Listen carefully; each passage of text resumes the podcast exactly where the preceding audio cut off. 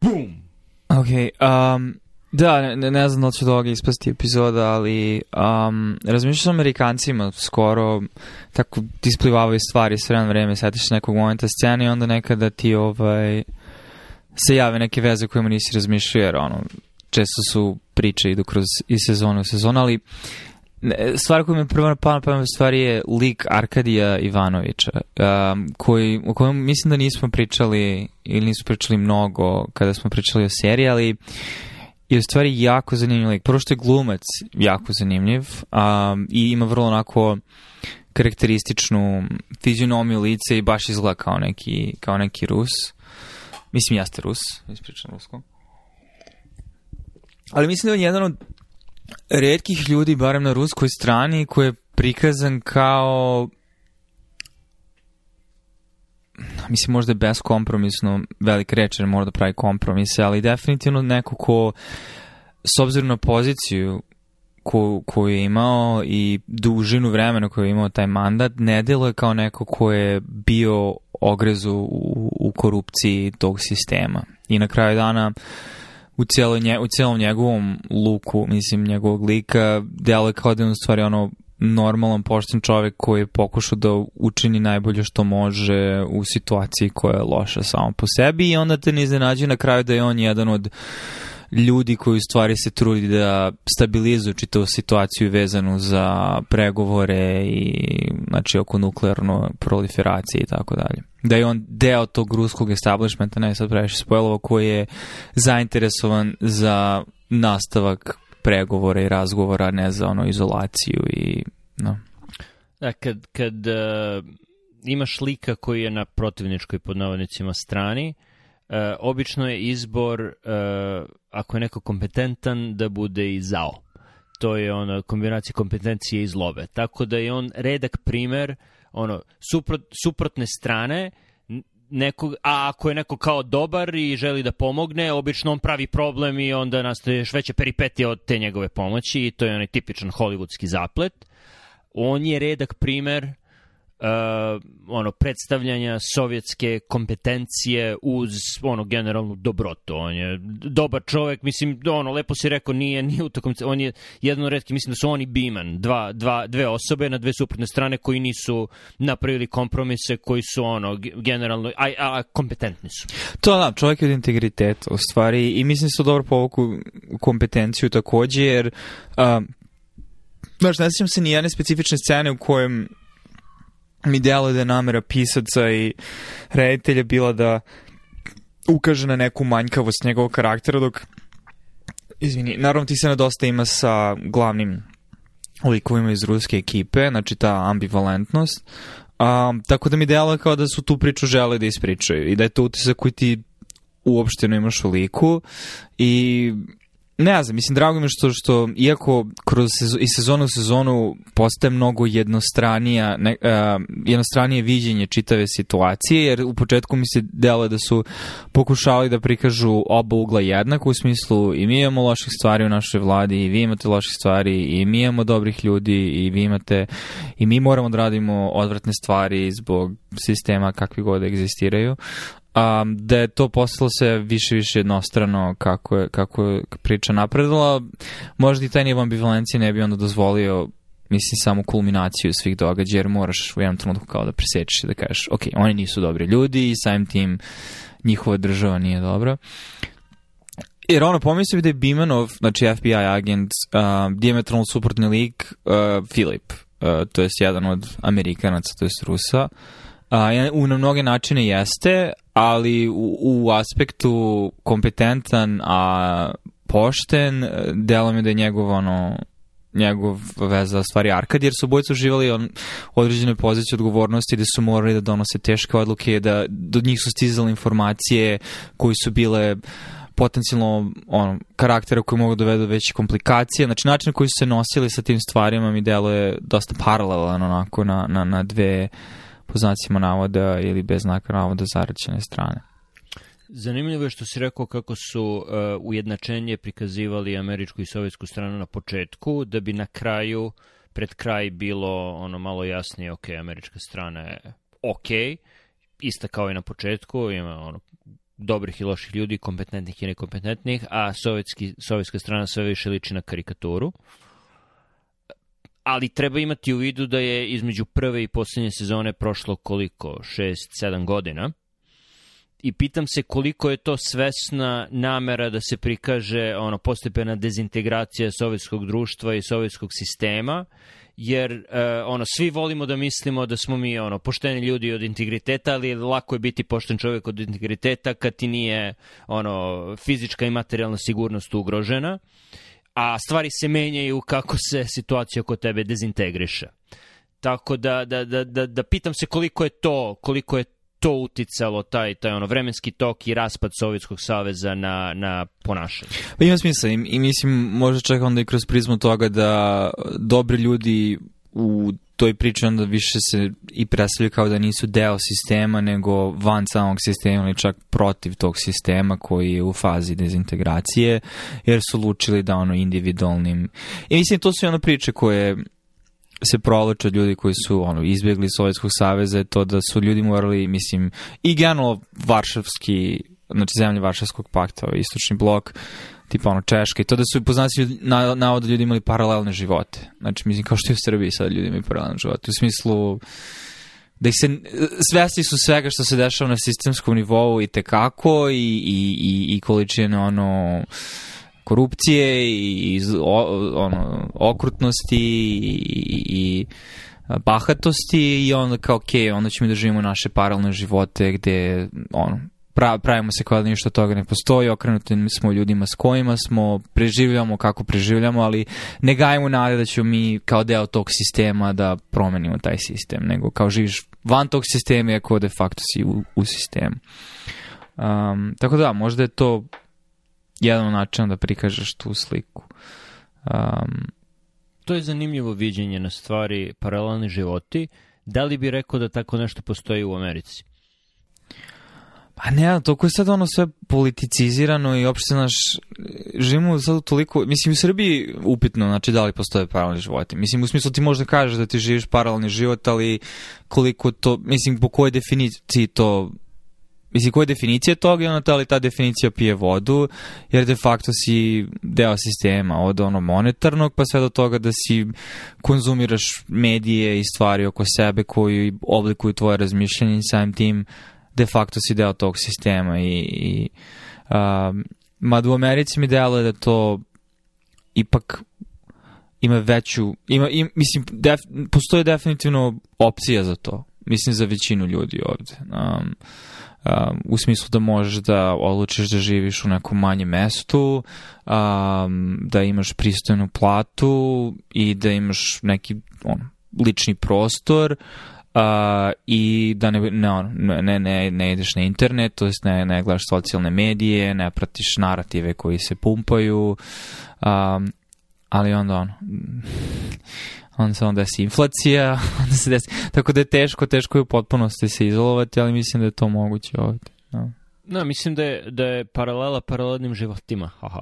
Uh, u Americi možda to da, ono, Amerikanci su, ono, veći deo 20. veka proveli ono, od, od drugog svjetskog rata nadalje, ono, praveći se da ne znaju šta njihova država radi u, u inostranstvu i, i da je to bio neki vid slepila ili ne slepila, nego ne samo da se praviš da ne rade to, nego misliš da to rade iz najbolje namere i, i da ono čine dobro po svetu u Koreji i Vijetnamu i Kambođi. Ukrajini. A?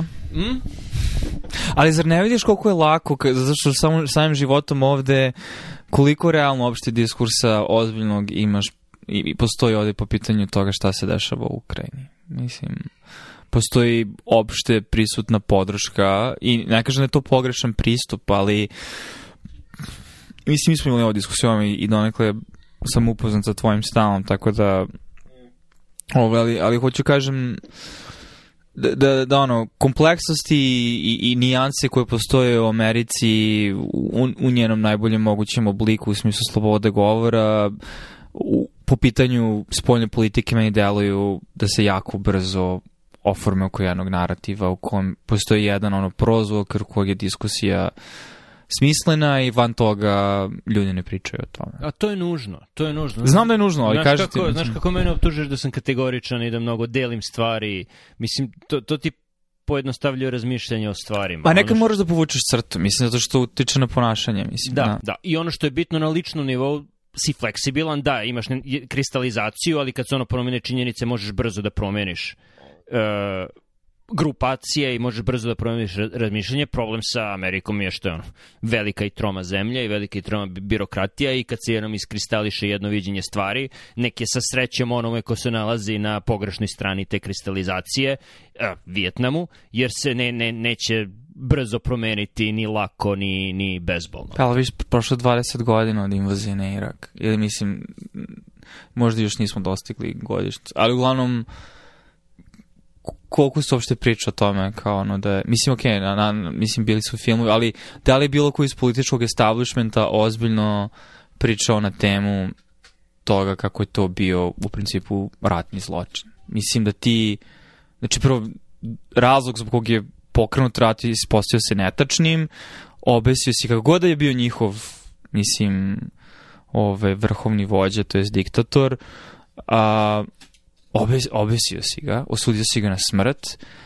stavio si svoju vojsku na to tle, totalno si ono destabilizovao to društvo i mislim ono izvuko si Mislim, pojedinci su izvukli dosta para iz cijele te priče. Ali, znaš, mislim, stvari poput toga, ono, zanimljivo, hoću kažem, mislim, ne pokušam, e, šta, šta hoću kažem, da mi je zanimljivo koliko pluralizam mišljenja i ideja postoji na unutrašnjem planu u državi, ali što se tiče spoljašnje politike je delom da tu daleko manje postoji um, ili barem na nekom praktičnom nivou u smislu znaš, mislim koliko ljudi priča o tome da ne znam, je, su Sjedinjene države sklopile pakt sa Sovjetskim savezom da ono, NATO se neće širiti pa je to prekršeno. Znaš, mislim, gledamo neke stvari koje su uh, se ispostavile da su bile on, faux pas što se tiče diplomatije.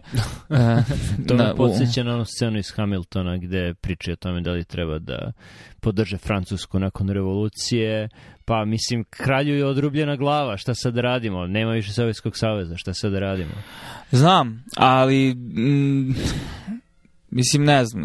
Mislim, moje, moje neko možda cinično viđenje da ne možeš da odvojiš interese spoljne politike od najveće ili od najvećih grana ekonomije u ovoj zemlji, a to je, mislim, proizvodnja oružja. I, I opet, znači, mislim, to je ono, ne, ne do bog da Srbija kao društvo je ima istu geopo, geopolitički utici. Mislim da bismo mi bili više struko gori po pitanju svega toga i bilo koja velika država ovaj, nose s ovom tu odgovornost, a inherentno je da u velikim društvenim sistemima će uvek postojati određen stepen korupcije i određen stepen kontrole medija i spinovanja i mislim ono, Rim je isto uvek rato. Mislim da što ono, e, teško je uopšte naći istorijski primer neke ono velike sile koja nije pričala o svojim uh, ono, pohodima kao razlozima za moramo da se odbranimo naših neprijatelja, moramo da spasimo naše saveznike, njihov način života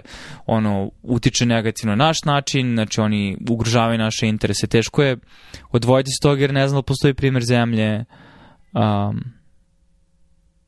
koja bi se možda drugačije ponašala, ali de facto mislim, ako ništa druga, Amerika voli da ili barem mislim ono, um, doživlje društva da je to jedno društvo koje je reflektivno, koje I, i ne kažem da nije, znači uopšte ne, ne pokušavam kategorički da podvučem crtu, ali barem u domenu spoljne politike delamo da ima mnogo manje um, ono, preispitivanja mm. određenih poteza. Mm, vidiš, to, to su zanimljive razmišljenja, naročito što dolaze od tebe. Ok, sad ću probati da tempiram svoje, svoje viđenje stvari i, i temperiram.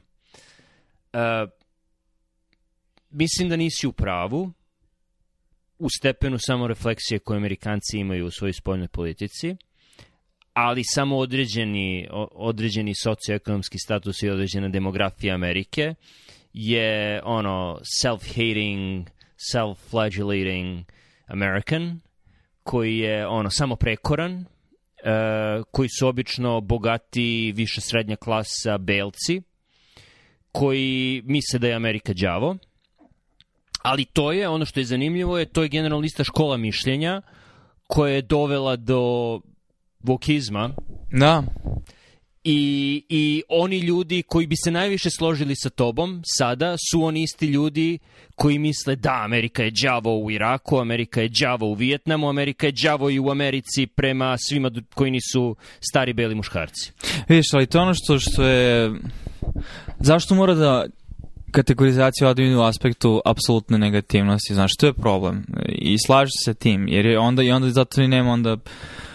Mislim, naravno, naravno da niko sad ne gleda Vijetnam kao na nešto što je, u što je Amerika trebalo da se uplete. Mislim, na, teško ćeš da nađeš nekoga. Možda postoje ljudi, Uh, I verovatno će ono za par decenija ljudi na taj način gledati i na Irak i možda čak i na Afganistan, a, možda čak i na Libiju, ali nije dovoljno vremena prošlo. Uh, ali uh, slažem se, mislim, znači, i to je problem, znači, ne, e, nije, nije rešenje imati, ono, apsolutnu, kao što rekao, mislim, samo, samo, samo flagelaciju, um, kao da sad treba mi da, ne znam, ono, nego jednostavno, znači, ono, da se negde povuče crta, ne možemo da napadamo suverene zemlje koje nemaju Znaš, ali teško je ka, neko kao imperija da uopšte, mislim, e, ne, ne radiš stvari poput toga i sve imperije u istoriji Mislim, ljudske civilizacije su radile sve te stvari. Mislim. O, ono čega se plašim je da, da da, da je to uslov da, da budeš imperija i da se ceo sistem održi da, da ono, moraš to da radiš. I u trenutku kada